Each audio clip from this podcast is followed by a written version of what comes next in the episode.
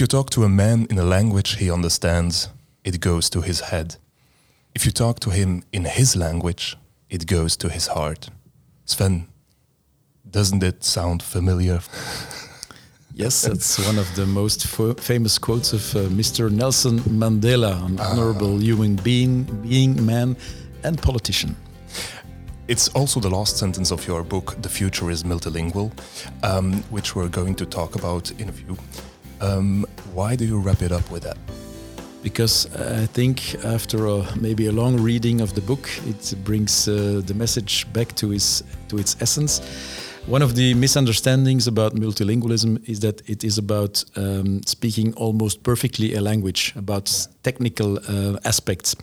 Of course, it's always nice when you speak a language very well, but it's not just about that, it's about communication. And when you want to communicate with another person, it's easier when you open up to his or her language, which means you open up to his or her culture and then you reach uh, more easily the heart of the, the, the, of your counterpart.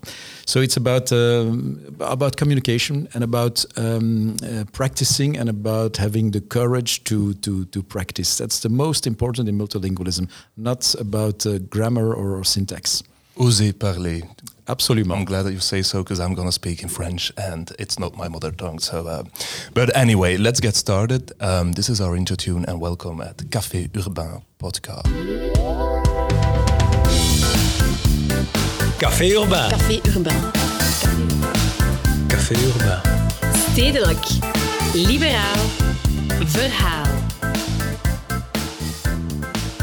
Le multilinguisme est omniprésent à Bruxelles. Que vous alliez faire les magasins, quand vous prenez le métro ou quand vous marchez dans nos rues, partout à Bruxelles, on entend différentes langues.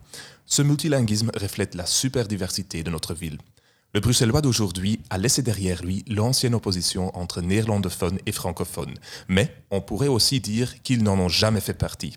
Et les bruxellois en sont, sont bien conscients.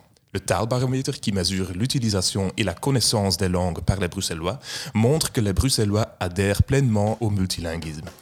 C'est de cela dont nous allons parler d'aujourd'hui et je le fais avec Sven Gatz, ministre bruxellois du multilinguisme, Cher Azrafi, conseiller en multilinguisme et l'un des fondateurs de Bitalki, et Fatima Zora Ait El Mati, membre du conseil bruxellois pour le multilinguisme. Euh, bienvenue à tous. Euh, Sven, d'abord, bienvenue à nouveau.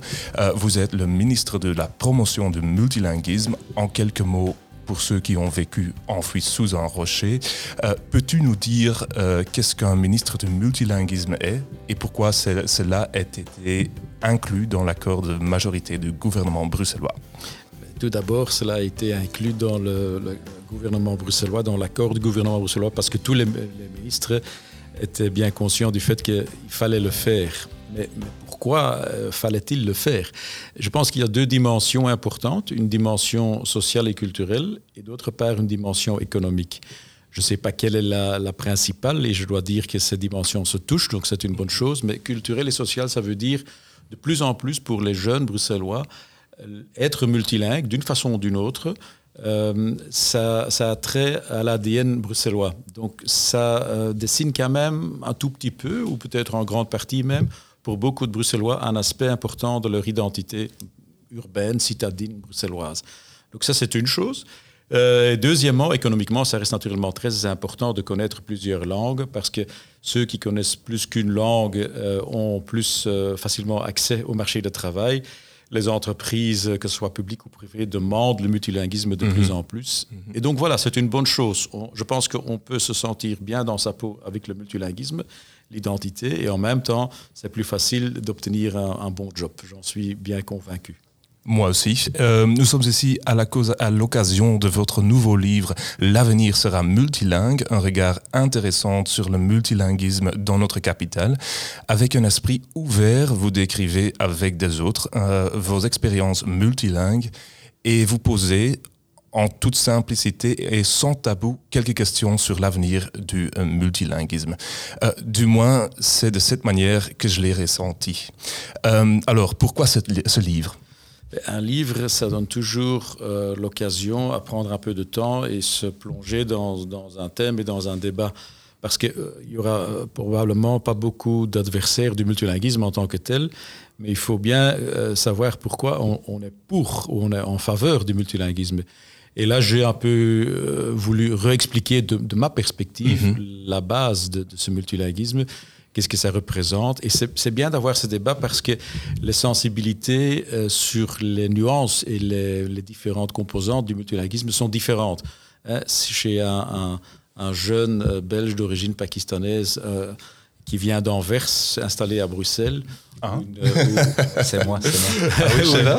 Ah ou une jeune dame d'origine maghrébine de la énième génération, ou un vieux bruxellois néerlandophone avec une mère francophone on parle tous de la même chose qui nous unit, le multilinguisme, mais les sentiers qui, vont vers ce multilinguisme sont différents. Et c'est pour ça qu'il faut avoir ce débat, que je comprenne mieux euh, votre, votre perspective, que vous comprenez le mien, et qu'on soit est conscient du fait que le multilinguisme, euh, c'est quelque chose qui peut vraiment euh, être utile pour, pour Bruxelles et pas un petit luxe comme ça à part. Donc le but de ce, livre est de lancer le débat et pas euh, directement venir avec des conclusions ou des, how-to. Non, j'ai naturellement, et on en parlera plus tard, dessiné quelques pistes pour ouvrir le débat dans différents sous-secteurs. Mais euh, il est important, même dans une ville très multilingue, mhm. d'avoir un, débat en profondeur sur, le multilinguisme. On est maintenant dans cette phase-là, et si nous, si nous passons bien cette phase-là, pourront plus facilement euh, aller aux prochaines étapes avec euh, quelle euh, initiative est-ce qu'on veut déployer dans quel secteur. Oké, super. Uh, Sheraz, uh, voilà, je, zit daar eigenlijk al vermeld door, door Sven, welkom ook. je bent adviseur meertaligheid en een van de grondleggers van Bitalki. Het platform, kan ik toch zeggen, waarmee Brusselaar meertaligheid omarmt of op de kaart wil zetten. Sheraz, hoe kijk jij zelf naar meertaligheid in Brussel en hoe ben jij into multi multilingualism beland, als ik het mag zeggen. Ik ga misschien beginnen met uh, beantwoorden van uw laatste, laatste vraag. Hoe ik in die meertaligheid uh, ben, uh, ben beland. Um, en daarvoor is het misschien goed om de context te schetsen van ja. hoe het idee rond die meertaligheid eigenlijk is ontstaan. En, de basis daarvan ligt bij de taalbarometer 4. Um, die werd in 2018 ge gepubliceerd. Door Weilen uh, Rudy Janssens. Door Rudy Janssens, die ons jammer genoeg veel te vroeg heeft uh, verlaten. Um, dat onderzoek, de taalbarometer, wordt door BIO gedaan. Dat is een onderzoekscentrum verbonden aan uh, de VUB en waar, waarmee ze eigenlijk een beetje de talenkennis, taalgebruik van de Brusselaar peilen. Wat bleek uit, uit, uit die taalbarometer is één, dat Brussel taaldivers is, maar dat wist wel uit de vorige en dat weet iedereen waarschijnlijk. Ja, dat, dat weet maar wat, wat, wat, wat nieuw was, is dat die meertaligheid door de Brusselaar werd gezien als een essentieel onderdeel van zijn of haar leven. Maar liefst 7, op de 10 van de Brusselaars gaf dat aan. 90% van de Brusselse ouders gaf aan dat meertalig onderwijs voor hun belangrijk is. Dat zijn twee heel belangrijke elementen. En als, uh, als derde wil ik er nog aan toevoegen Um, en dat was ook een van de conclusies van, van, van de taalbarometer, hoe complex de taalrealiteit in, in Brussel wel is. Hè. Um, om een voorbeeld te geven, een van de conclusies uit die barometer was dat de talenkennis, zowel van het Nederlands als het Frans, gedaald is, maar dat het gebruik daarvan is gestegen. Hmm. Voor een buitenstander is dat op het eerste zicht moeilijk, moeilijk te, te verstaan. Het gaat dan om de perfectie van die taal eigenlijk. Ja, Voilà. dat is ook een ander debat. Hè. Ehm, tot welk percentage moet je gaan? Wanneer kan je spreken van iemand die tweetalig of drietalig is? En dat is, een, dat is, een, zeker een interessant uh, debat. Dat zijn zo'n beetje de elementen die, die, die ons eigenlijk ehm, voor het eerst hebben doen nadenken van oké, eigenlijk zou er, zou er diepere inzichten moeten komen rond die meertaligheid en zou het blijsmatig daarop, uh, daarop moeten inspelen. En ik geloof dat het Sven was, eh, toen hij nog Vlaams minister was, is er een gedachtenwisseling uh, geweest rond die taalbarometer. En toen alludeerde hij voor het eerst het feit dat er eigenlijk een, een minister bevoegd zou moeten zijn uh, voor die meertaligheid. Um, we hebben dat dan ook tijdens de regeringsonderhandeling in 2019 mhm. op tafel gelegd. En ik begreep dat er toch vrij snel consensus was rond de mhm. tafel ehm, dat die meertaligheid... Zelfs eh, van de Franstaligen. Zelfs van de Franstaligen. Zeker, van sommige Franstaligen zelfs heel veel. Ja, absoluut. Oké. Ja, ja. En er werd dan dus ook een passage daarvan uh, daar, daaromtrent opgenomen in um, het Brussels uh, regeerakkoord. Nu, hoe ben ik daar zelf uh, in beland? Wel, Sven heeft mij daarvoor gevraagd. Hè. Ik werkte al voor Sven toen hij Vlaams minister was. Ik ben vooral de, geen expert. Um, en als je zo'n voorstel krijgt, dan, ja, dan weeg je de voor- en nadelen een beetje af. Hè. het voordeel van um, het werken rond een nieuwe bevoegdheid is van je begint van een wit blad en je kan een beetje je eigen accenten uh, leggen. Het nadeel is natuurlijk, je hebt niets waarop je kan voortbouwen, je hebt geen administratie. Dat is natuurlijk wel een nadeel. Maar het is vooral die, het voordeel dat heeft doorgewogen bij een beslissing om toch uh, voor die functie te gaan. Maar iets volledig nieuws opstarten is ook wel uitdagend en heel leuk. Inderdaad, ja. inderdaad. Ja. Hè. Um, dat had ook als gevolg dat de eerste maanden uh, van mijn functie bestonden uit heel veel gesprekken met ja. mensen die meer weten of al jaren bezig zijn met die meertaligheid. Hè. Um, ik denk dat ik de eerste vier, vijf maanden samen met Sven die gesprekken heb, uh, heb gevoerd, die dan ook de basis vormden voor, voor onze beleidsnota, die uh, nota bene unaniem werd uh, goedgekeurd door de verschillende fracties. bijna unaniem, hè? Bijna unaniem. Bijna, bijna toch unaniem. met een heel grote meerderheid. Een hele grote meerderheid. ik herinner mij dat Guy van Hengel zei dat het lang geleden was dat hij zoveel volk had gezien in een commissiezaal eigenlijk. dus voilà. Uh, en dat was dan pre-coronatijd. Ja, ja, ja, ja, inderdaad. En dan misschien nog een woordje over Bitalki. Ja, Bitalki ja. is, een, is, een, is, een, is een platform uh, waarin we alles wat beweegt en leeft rond meertaligheid een beetje willen uh, centraliseren. je moet ergens beginnen. Waarom de naam Bitalki? We zochten eigenlijk naar een naam dat een beetje het Nederlands en het Frans overstijgt en dan beland je al snel bij, bij het Engels. Dat is één. En twee, Bitalki uh, geeft ook een beetje een call of action. Durf te praten. Durf te praten. Beatalkie, ja, ja, spreek ja. de taal ook al, spreek je die taal niet perfect, mm -hmm. maar probeer toch die taal, uh, die talen uh, te spreken met elkaar. Ja, en ook leuke branding. Hè. Ja, voilà. Ja. Um, proficiat. Um, het is Beatalkie.brussels uh, geworden, net zoals wij Visit.brussels hebben. Equal.brussels bestaat er nu ook.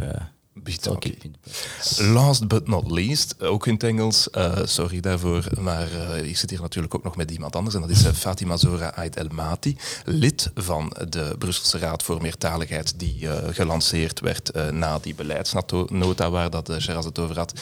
voilà, je bent daar dus lid, welkom Fatima. Um, daarnaast coördineer je ook nog projectmatig artistieke projecten in en rondom Brussel en werk je ook aan een meertalig toneelstuk bij de KVS. Uh, zeer blij dat je hier bent, maar misschien toch, wie is uh, Fatima en uh, wat betekent jouw rol binnen de Brusselse Raad voor Meertaligheid? Eerst en vooral bedankt voor de uitnodiging. En ook, allee, ik denk dat ik heel verrast was toen ik werd uitgenodigd om lid te worden van de Raad. het zijn gesprekken die, die gaande zijn en, en ik ben heel blij om er deel van te kunnen uitmaken van de plek waar dat ik vandaan kom op het middenveld, waar dat dezelfde gesprekken op een andere manier ook gevoerd worden. Wat dacht je misschien toen je die uitnodiging kreeg? Wat is dat? Ah, het is eindelijk vooral. Omdat, uh, ja, zoals ik zeg, die, die, gesprekken, die gesprekken waren er al. Het is waar dat er uh, vanuit de cultuursector, waar ik vooral actief ben, wel de vraag kwam van...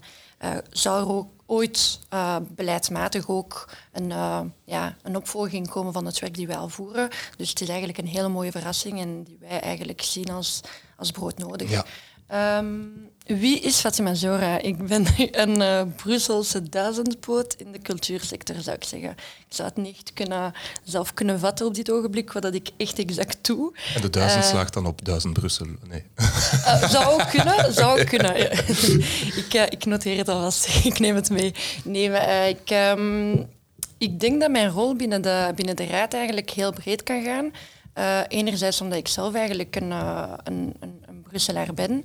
Die, die allee, ik, ik, haat, ik haat de termen voorbeeld of uh, ja, model, als modelfunctie mm -hmm. kunnen dienen. Maar het is waar dat ik eigenlijk niet, niet een speciaal, allee, een, een um, hoe zou ik het noemen, een exemplair persoon ben binnen het Brussels veld. Er zijn enorm veel jongeren die meertalig zijn ja. en die eigenlijk het voorbeeld zijn van hoe dat we door kleine veranderingen um, in beleid en ook in cultuur en in hoe dat we omgaan met taal op school eigenlijk hele mooie eh, resultaten kunnen bekomen in, uh, in, uh, ja, in het aanleren van nieuwe talen. maar daarnaast denk ik ook dat de rol die ik kan spelen is, zoals ik het zei, ik, ik ben actief in het middenveld en um, ik, ik zie eigenlijk hoe dat wij meertaligheid meer als urgentie hebben beschouwd de laatste jaren. En zoals ik zeg, beleid moet natuurlijk veel meer tijd nemen om tot resultaten te kunnen leiden. Uh, maar wanneer wij op een jaar tijd uh, als doel hebben om een zaal te kunnen vullen met meertalige ouders, jongeren of minder jonge mensen, uh, dan, dan weet ik of heb ik ervaring met hoe dat we dat effectief kunnen laten gebeuren. En ik denk dat dat effectief mijn, mijn deel van expertise kan zijn binnen de Raad. Ja, dat is ook een enorm waardevolle expertise. Ik, ik heb een beetje gekeken. Je hebt eigenlijk ook architectuur gestudeerd. Uh, Heel fijn. Uh, ik zit zelf ook uh, afkomstig uit de architectuur, zeg maar zeggen. En daarnaast ben je oprichter van het feministisch collectief Imagirijn. Heb ik dat juist uitgesproken? Ja, Imagirijn. Um, ah, Imagine... Nee, het komt van wel Berbers, zoals ze worden genoemd. Oorspronkelijk, de, dat is eigenlijk een, hoe dat we hier in het Westen worden genoemd. Maar wij noemen ons eigen Imagirijn. Ah, okay. En dat is ook een deel van hoe dat wij ons eigen benoemen. De benoemingen die wij voor ons eigen ge gebruiken, maakt ook een beetje deel uit van het werk binnen Imezerijn op vlak van taal en taalgebruik. Ah, oké. Okay, okay, Tamazig is de naam van de taal, ja, hè? MSR is de naam van de taal. Uh, is het meervoud van MSR. En het is een gesproken taal. Ja. ja. Het is geen dode taal. maar het heeft dus geen schrift, is dat wat het zegt? Het, ja. het heeft ja. schrift die heel weinig wordt gebruikt en die wel dood is. Oké, okay. ja. ja. Uh, maar goed, uh, even misschien nog een, nog een laatste vraag voor, voordat we bij het volgende uh, aankomen. Allee, ik vind het wel interessant om ook bijvoorbeeld die architectuur, maar ook de, de manier waarmee dat je bezig bent met dat, met dat collectief. Je hebt het eigenlijk wel wat aangehaald, maar die meertaligheid is iets dat daar ja, bijna ongecompliceerd elke keer aan bod komt en waar dat jullie op een heel bijna nonchalante manier mee omgaan? Of hoe kijk je daarnaar? Ja. Wel, een beetje op dezelfde manier als architectuur kunnen we metaalruimtes creëren manier waarop we die, die ruimtes gaan samenstellen op basis van de, de keuzes die we maken op vlak van taal zijn belangrijk. En zoals ik het zeg, in de cultuursector zijn die gesprekken al gaande. Uh, ik hou bijvoorbeeld van muziek en van het programmeren van muzikale evenementen voor de simpele reden dat die universeel zijn. Je kunt zo, zoveel verschillende mensen samen krijgen in een zaal uh, die zich geen vraag stellen bij wat ze te zien krijgen. Ze dansen er gewoon ze dansen er gewoon op los. Uh, en dus de keuzes die we maken in, in dat wij uh, programmeren, architecturaal programmeren ook, zijn gewoon keuzes die belangrijk zijn om inclusieve ruimtes te kunnen creëren. En dat is dus iets dat wij, dat ik en ook een paar uh, ex-architecten-collega's ja. allemaal meenemen in de cultuursector vandaag. Oh, bijzonder boeiend. Um, ik ga even iets laten horen. Het is een grapje natuurlijk, maar uh, het, uh, het, brengt ons meteen naar eigenlijk de realiteit van vandaag tegenover het Brussel van gisteren waarbij dat we eigenlijk toch een tweedeling hadden tussen vooral Nederlandstalig en Franstalig. Vandaag zijn we iets meer dan dat geworden. Uh, laat ons even luisteren. Het is voor het lachen. Hè. Hendrik Bogaerts blijft voor maandag Nederlands. Maar hoe groot is het verschil nu echt tussen leven in Brussel als Nederlandstalige of als Franstalige? Wij nemen de proef op de som. We gaan naar dezelfde winkels, doen dezelfde bestellingen en vergelijken het resultaat. Welkom bij Fact Oh, dag, een kilo pralines. Bedankt. Een kilo praline, s'il vous plaît. Merci. Voor pralines, perfect tweetalig, hè? Nou ja. Fact check. Uh, champagne. Champagne. Fact check. Uh, popcorn, cola en nachos. Du popcorn, le cola et les nachos. Fact check. Fact check. Fact check. Uh, een cheeseburger. Een cheeseburger. En, en een giant. E een giant.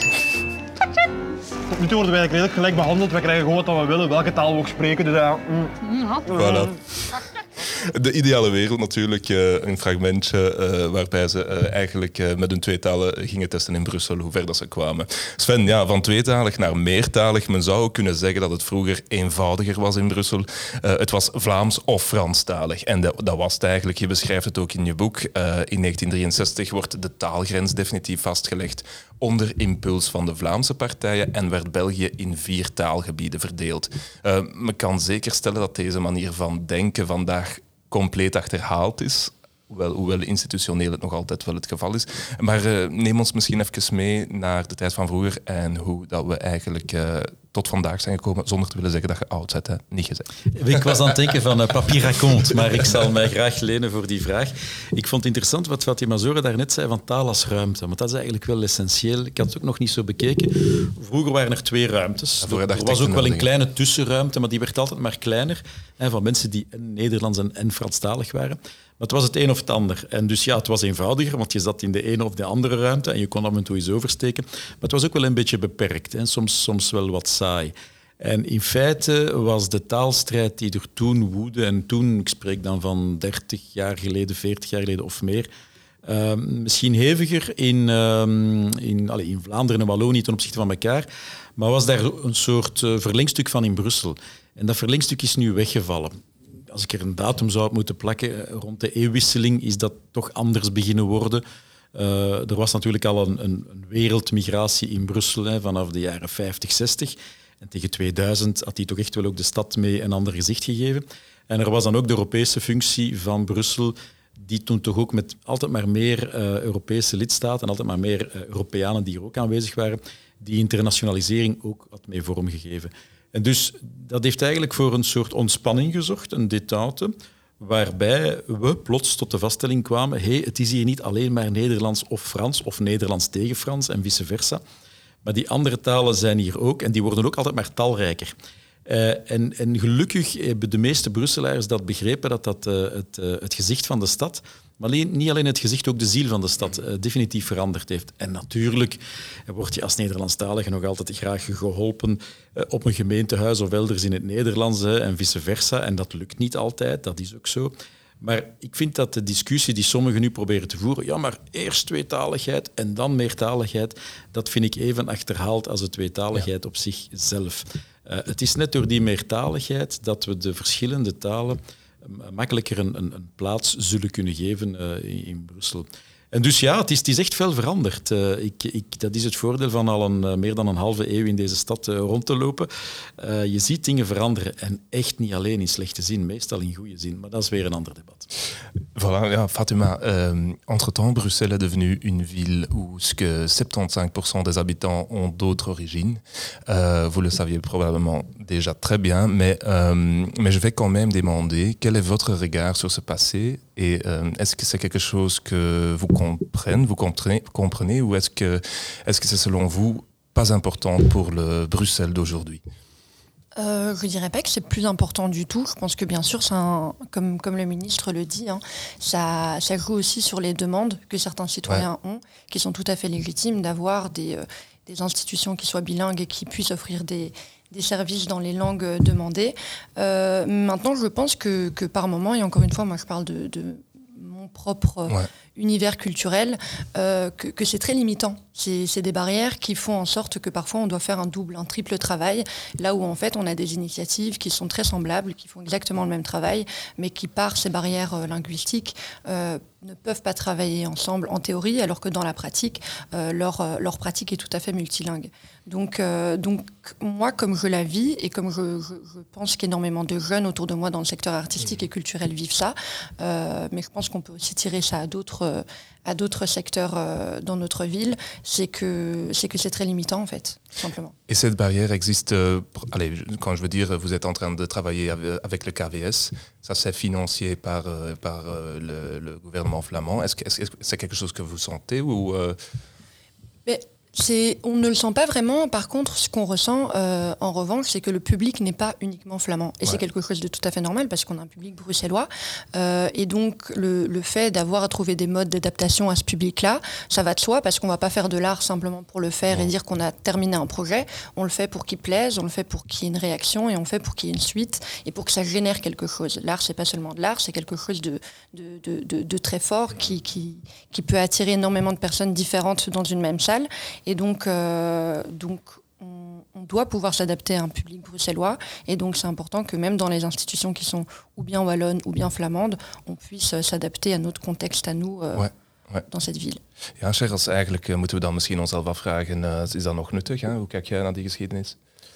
Wel, uh, wat ik vandaag vaststel is dat Brussel in eerste plaats een aankomststad is. Hè. Um, Brussel is de plek, zeker de gemeente binnen de vijf, uh, vijf, uh, vijfhoek, um, zijn de plekken waar de nieuwkomer zich vestigt. En taal speelt daar een belangrijke rol in.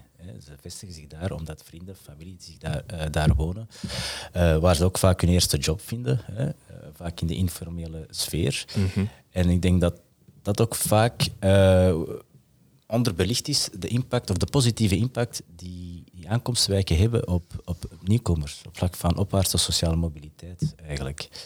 Um, een tweede belangrijk element, sinds 2000 hè, zijn er 1,2 miljoen Brusselaars die zich in Brussel hebben gevestigd en 1,1 miljoen die, die buiten, naar, buiten Brussel gingen zijn, voornamelijk dan Vlaanderen en Wallonië. Dus bijna de hele bevolking is vertrokken? Ja, dus dat zijn eigenlijk 120.000 uh, verhuisbewegingen per jaar. Uh, en wat blijkt, de, cijfer, de, de 1,1 miljoen mensen die zich uit uh, Brussel begeven, zijn vaak mensen die het Frans en het Nederlands uh, machtig zijn. Hè. Uh, bijvoorbeeld de cijfers van, van Huis van Nederlands geven dat aan. Vanaf dat de Brusselaar hier Nederlands heeft geleerd, tot op een zeker niveau, die gaan eigenlijk werken in Vlaanderen. Dus eigenlijk, het Nederlands is eigenlijk een belangrijk exportproduct, een Brussels exportproduct naar Vlaanderen toe. Het is heel raar om, om, om, om, om, dat, om, dat, om dat vast te doen, maar het is, het is, het is wel een, het is wel een, een realiteit.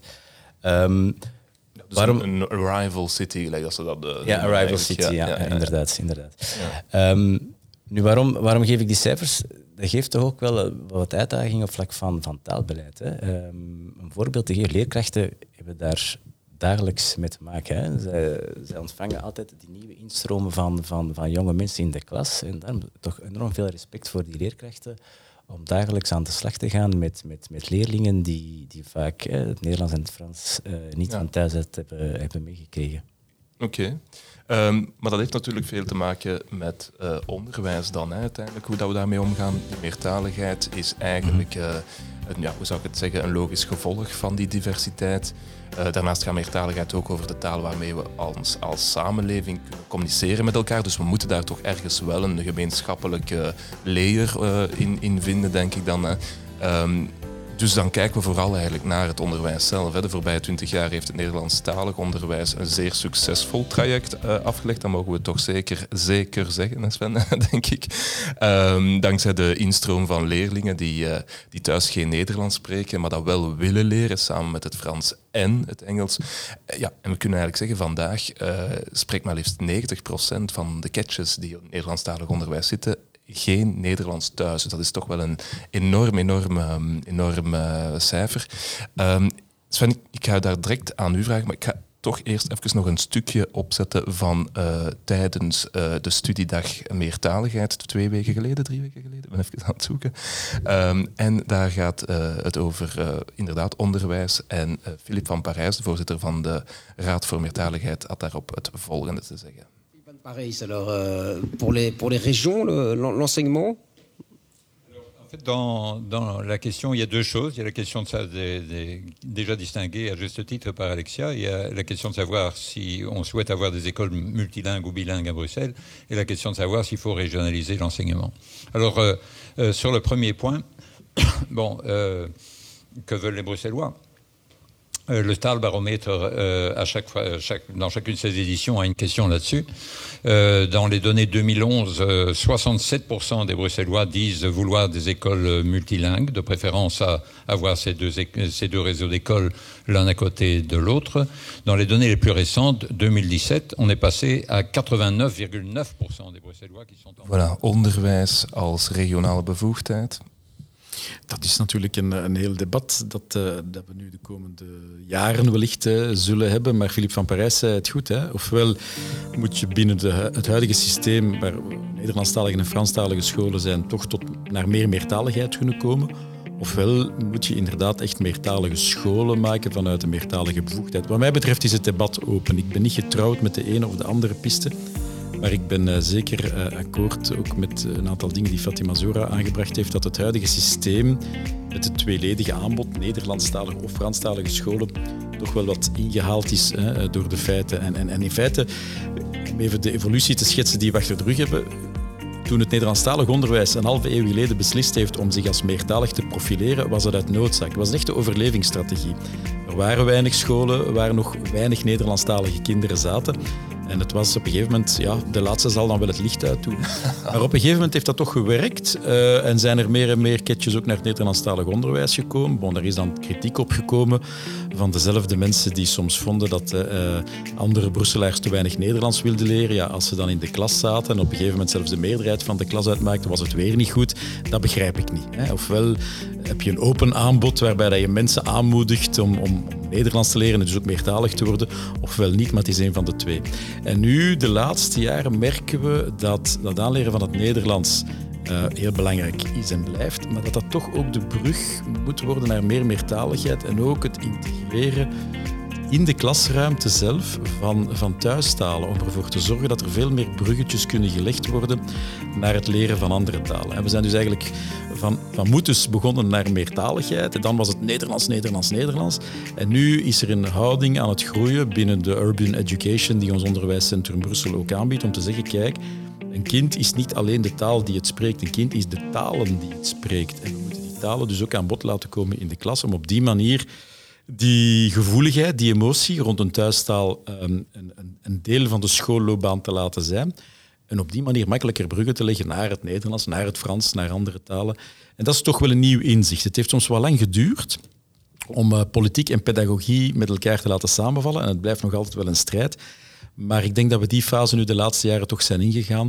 En daar sluit dan je eerste vraag bij aan. Wat is dan de volgende stap? Hè? Binnen het Franstalig en het Nederlandstalig onderwijs zo meertalig mogelijk worden? Of toch zorgen dat de systemen meer gaan samenwerken en elkaar meer gaan raken? Ja, dus uh, eigenlijk, uh, Sheras, uh, van, van, een, van, ik zal maar zeggen, een thuistaal die niet volledig overboord wordt gegooid tot elk kind drietalig op 18 jaar. Haalbaar? Wel, ik denk op korte termijn niet. Ik denk niet dat we binnen twee jaar of binnen vijf jaar kunnen zeggen dat uh, elk 18-jarige Brusselaar drietalig is.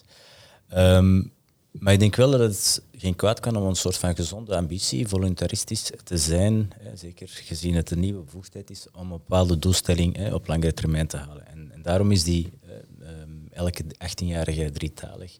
Daarom hebben we die eigenlijk ook bij de presentatie van onze beleidsnota als een soort van ja, headliner um, naar voren geschoven.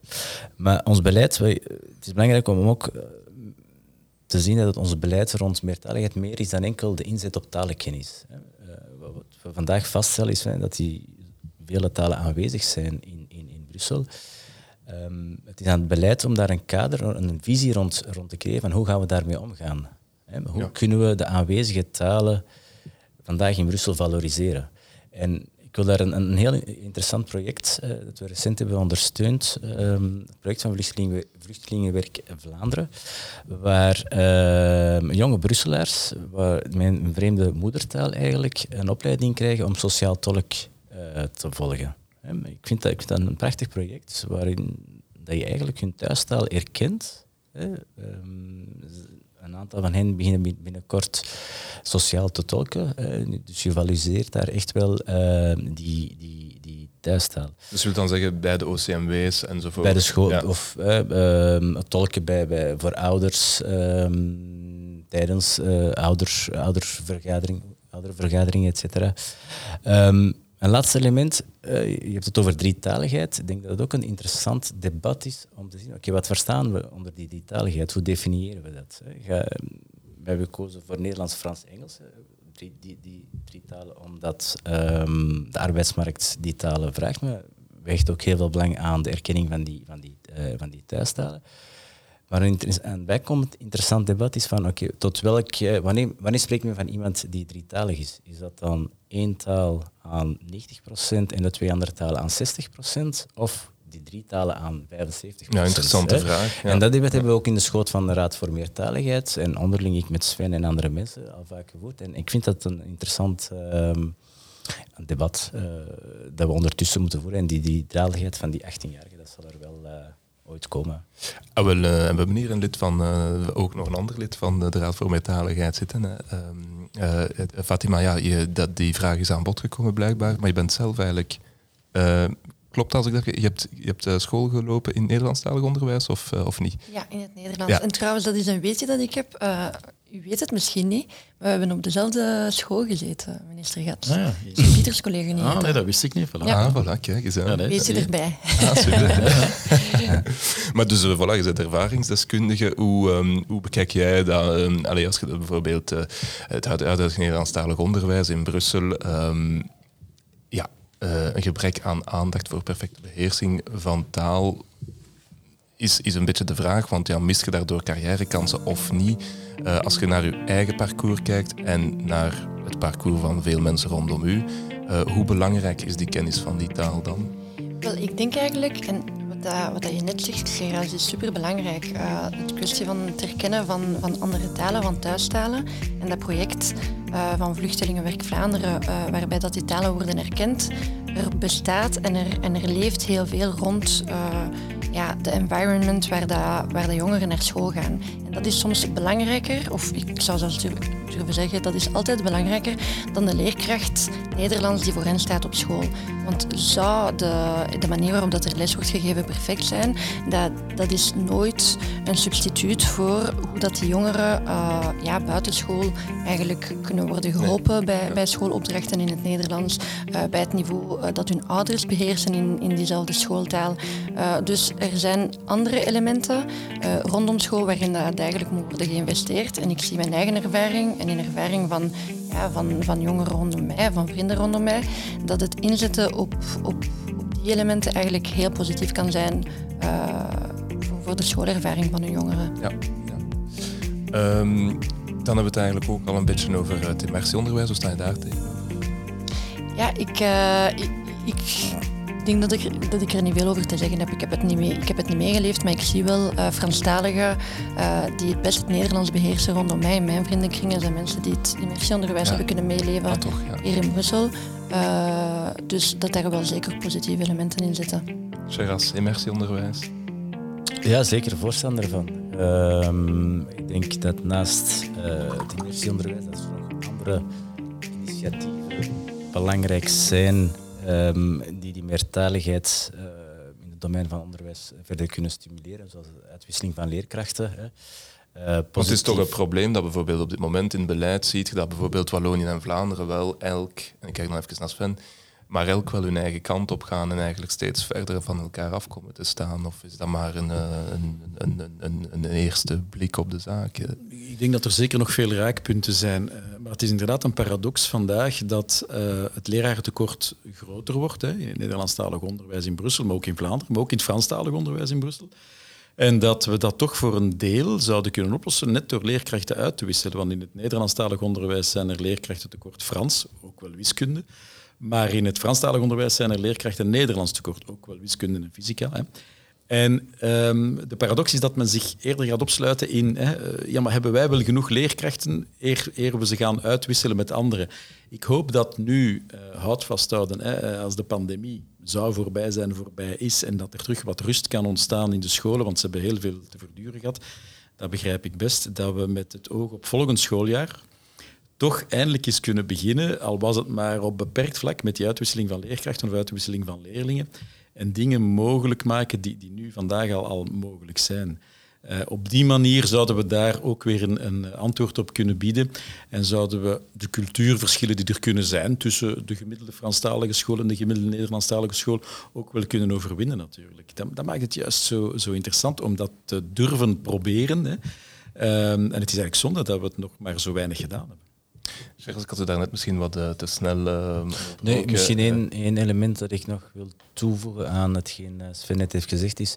Positief is natuurlijk dat in de verschillende regeerakkoorden een passage is opgenomen waarbij eigenlijk uh, die uitwisseling um, van die leerkrachten wordt, wordt, wordt, wordt gestimuleerd eigenlijk. En dus politiek is er wel een draagvlak voor. Ja.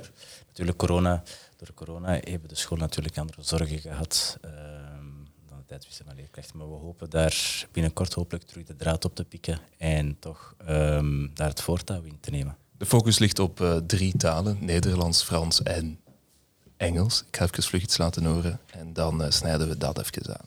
Hello there, welcome to Bros International, the English-speaking show here on Bros. It's great to have you with us for this latest edition where we're zooming in on the French community here in Brussels with France currently holding the rotating EU presidency. First up today, we're off to Scarbeck. We're visiting Charbel. Voilà, c'est Bruce qui a lancé des émissions en anglais. Euh, Sven, le dernier chapitre de votre livre s'intitule Bruxelles comme laboratoire. Euh, vous y donnez 10 points à partir desquels Bruxelles peut mieux intégrer sa réalité multilingue, multilingue dans ses structures. Euh, Pouvez-vous en parler brièvement? Oui, je vais naturellement pas révéler plutôt euh, ces 10 points. Je ne vais pas gâcher euh, le plaisir du, lecteur. De ça, il faut, pour connaître les 10 points, il faudra lire le, livre. Mais disons, il y a quatre clusters. Il y a un, l'enseignement, mais nous, venons d'en parler, hein, donc plus de, euh, de projets de collaboration entre professeurs et même entre, avec l'échange des- élèves. C'est possible, donc all- allons ensemble vers cette prochaine étape. Deux, la culture est également euh, très sensible depuis le début, depuis que Bruxelles a été la capitale européenne en 2000, pour avoir le, surtitrage dans les théâtres, euh, où la pièce se jouait par exemple en français, mais il y avait un surtitrage en, en- en néerlandais et en anglais. Et au début, on pensait que c'était un peu un gimmick comme ça, que c'était pas très sérieux, mais ça a donné trait à le changement des publics. Euh, ça, a pris pas mal d'années, mais maintenant, les, publics sont beaucoup plus mixtes qu'avant. Euh, trois, euh, naturellement, travailler aussi avec le secteur économique et, les demander à prendre aussi leurs responsabilités parce que c'est pas uniquement les, autorités, les autorités publiques avec l'enseignement ou la formation professionnelle qui vont leur euh, donner des, des- des gens euh, multilingues, c'est aussi à eux de, de faire des, développer des programmes euh, de multilinguisme, comme on a vu avec KBC Brussels ou avec la STIP, qui fait vraiment de- du, du très bon travail à cet égard. Et donc là, on pourrait imaginer qu'il y aurait un jour euh, un prix euh, annuel de, de l'entreprise la plus multilingue, de, de façon la plus originale possible par, par an. Donc. Et euh, quatrième, ça c'est vraiment le quatrième cluster, le pied dans le plat, où je dis, voilà, la, loi euh, linguistique donc, qui règle le multilinguisme aussi bien dans l'administration et la relation avec les citoyens, euh, ou la justice, ou l'enseignement, je pense qu'il faudrait la réévaluer. Je m'explique, elle date de, de, de 66. Euh, ça veut dire qu'il y a certains éléments qui fonctionnent toujours très bien, donc ceux-là, il ne faut pas vraiment les changer, mais il y a vraiment aussi des éléments dans l'application de la loi qui, ne fonctionnent pas très bien. Et quand, quand je dis il faut réévaluer ou moderniser euh, les lois linguistiques, on, on me dit euh, oui, mais tu, veux changer les lois euh, à, être plus souple et on va perdre le droit à être servi dans la langue X, Y ou Z dans la- l'administration communale. Non. Soyons pragmatiques et soyons relax à cet égard. Il est normal qu'après plus d'un demi-siècle, on réévalue une loi, peut-être par une commission, pas uniquement de juristes, hein, même si j'en suis un euh, moi-même, mais aussi de pédagogues, de, gens du secteur culturel, de l'enseignement, pour voir comment est-ce que nous, pouvons améliorer cette loi et avoir, euh, euh, obtenir l'objectif, atteindre l'objectif où plus de gens euh, soient multilingues dans les administrations, dans l'enseignement et que le service est, mieux qu'aujourd'hui, même s'il est assez bien, assez bon en général. Et là, il faut absolument le faire. Je, je fais référence à, à un petit exemple luxembourgeois où on a fait une visite également, euh, Chéras et moi, où on disait, voilà, le, luxembourgeois, le citoyen luxembourgeois peut être aidé dans les trois langues nationales du Luxembourg, le luxembourgeois, l'allemand euh, ou le français. Et puis la loi dit dans la mesure du possible. Et c'est un peu rigolo parce que juridiquement, ça ne tient pas la route, mais ça marche beaucoup mieux que chez nous. Parce que le renseignement est plus multilingue. C'est Donc a plutôt pragmatique. voilà. Et donc là, il y a moins de problèmes. Et nous, on a une loi très stricte, très défensive. Donc voyons ce qui, qui euh, marche toujours bien dans cette loi ou dans ces lois, mais regardons aussi comment on peut améliorer cela. Ça peut prendre quelques temps parce que ça doit être fait à la Chambre fédérale, donc pas au niveau bruxellois. Mais de grâce, euh, commençons, commençons euh, cet exercice. Et il, est, il est temps de le faire. Ouais. Euh, vous avez parlé du secteur économique et là, euh, Zora, euh, Fatima, sorry, Fatima, Zora- Fatima, sorry. L'anglais gagne de plus en plus l'importance, hein, l'importance. Et pour cela, peut-être la question, do you speak English and do you use English in a day-to-day basis? I do use English quite a bit. Uh, ga ik verder in het Engels?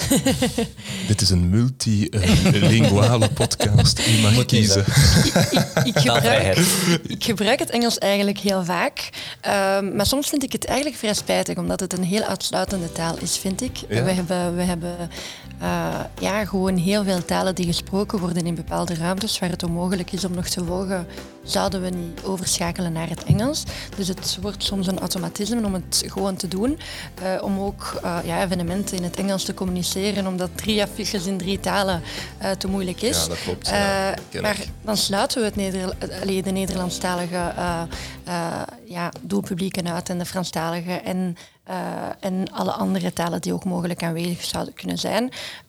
Dus vind ik het soms gemakkelijker om een maand lang na te denken over hoe we een evenement inclusief kunnen maken op vlak van taal, dan simpelweg het gemak te kiezen van laten we gewoon voor het Engels gaan, want het werkt daarna veel beter op de evenementen zelf. Dus het is complexer en meer genuanceerd werk dan het enkel direct overschakelen naar het Engels, maar het is, ja, het is, uh, het is veel mooier om daarna te zien. The importance of English is, is, is a, as a lingua franca uh, is increasing in Brussels, um, certainly between Flemings and Walloons. Um, should it become a third official language in Brussels as the capital of Europe? Um, ik denk dat zeker het debat daar, daar rond uh, moet gevoerd uh, uh, worden. Hè. Um, maar ik denk dat ook daar dat we ondertussen toch moeten gaan kijken van oké, wat, is, wat is er nu al mogelijk? Hè? Um, ik verwijs, ik denk bijvoorbeeld aan het recent initiatief van Schaarbeek. Eh, waar, uh, Quentin van den. Ja, ja. ja waar uh, op vraag van de Schaarbeek naar eigenlijk bepaalde info in het Engels kan verschaft worden. Ik, ik vind dat vanuit dienstverlening vind ik dat een heel logische en, en een goede stap. Ja, ik denk wel als we um, Europese hoofdstad waardig willen zijn, dat mensen wel hun administratie ja. bij de gemeente ja. in het Engels zouden moeten ja, kunnen. Ja, ja. De regel blijft wel Nederlands en het Frans, maar op vraag kan uh, Engels uh, gebruikt worden. Ik denk dat we ondertussen zeker het uh, debat rond, rond de officiële taal, uh, Engels als officiële taal, moeten gaan voeren, maar dan ben je vertrokken voor een aantal jaar. Je moet dan de gewenste meerderheden hebben binnen de verschillende taalgroepen. Ehm, ik ben eerder voorstander om, om, om, op korte termijn te zien wat, wat is er mogelijk. En nu komt duikt er een idee op in mijn hoofd nu. Um, ik denk misschien is het wel interessant om eens, om eens um, dat ook op dat gaat een burgerbevraging komen rond de staatshervorming. Misschien is het wel interessant om eens te kijken van, eh, die vraag te stellen van hoeveel uh, mensen of hoeveel Brusselaars zijn voorstander van, van uh, het Engels als officiële taal. Zijn op dit moment 250.000 uh, expats, als ik mij niet, niet vergis. Ja. Dus dat is, ja. dat is eigenlijk bijna 1 op, dat is eigenlijk 1 op 5. Maar die hebben natuurlijk niet allemaal Engels als moedertaal. Nee. Voilà. Yeah. And that is, of course, the, the issue. Eh? Multilingualism, in, in my opinion, in our opinion, does not equal the exclusive use of English. Of course, English is part of multilingualism, and English should be a more important language in Brussels because uh, many Brussels uh, speak it. But if we only communicate in English, our uh, communication would be more be more direct, but less uh, rich than uh, if we use also other languages. Mm -hmm. And so I think English English will be an important language here because we are an international capital.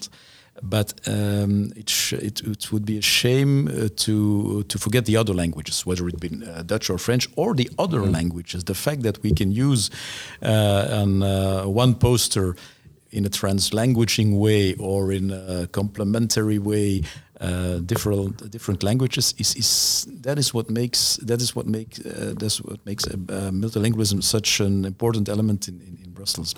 So I completely agree with uh, Fatima Zora who says if you do it in English you can do it, but uh, you will exclude more people than, yeah. you think. So let's be a little bit more creative about that.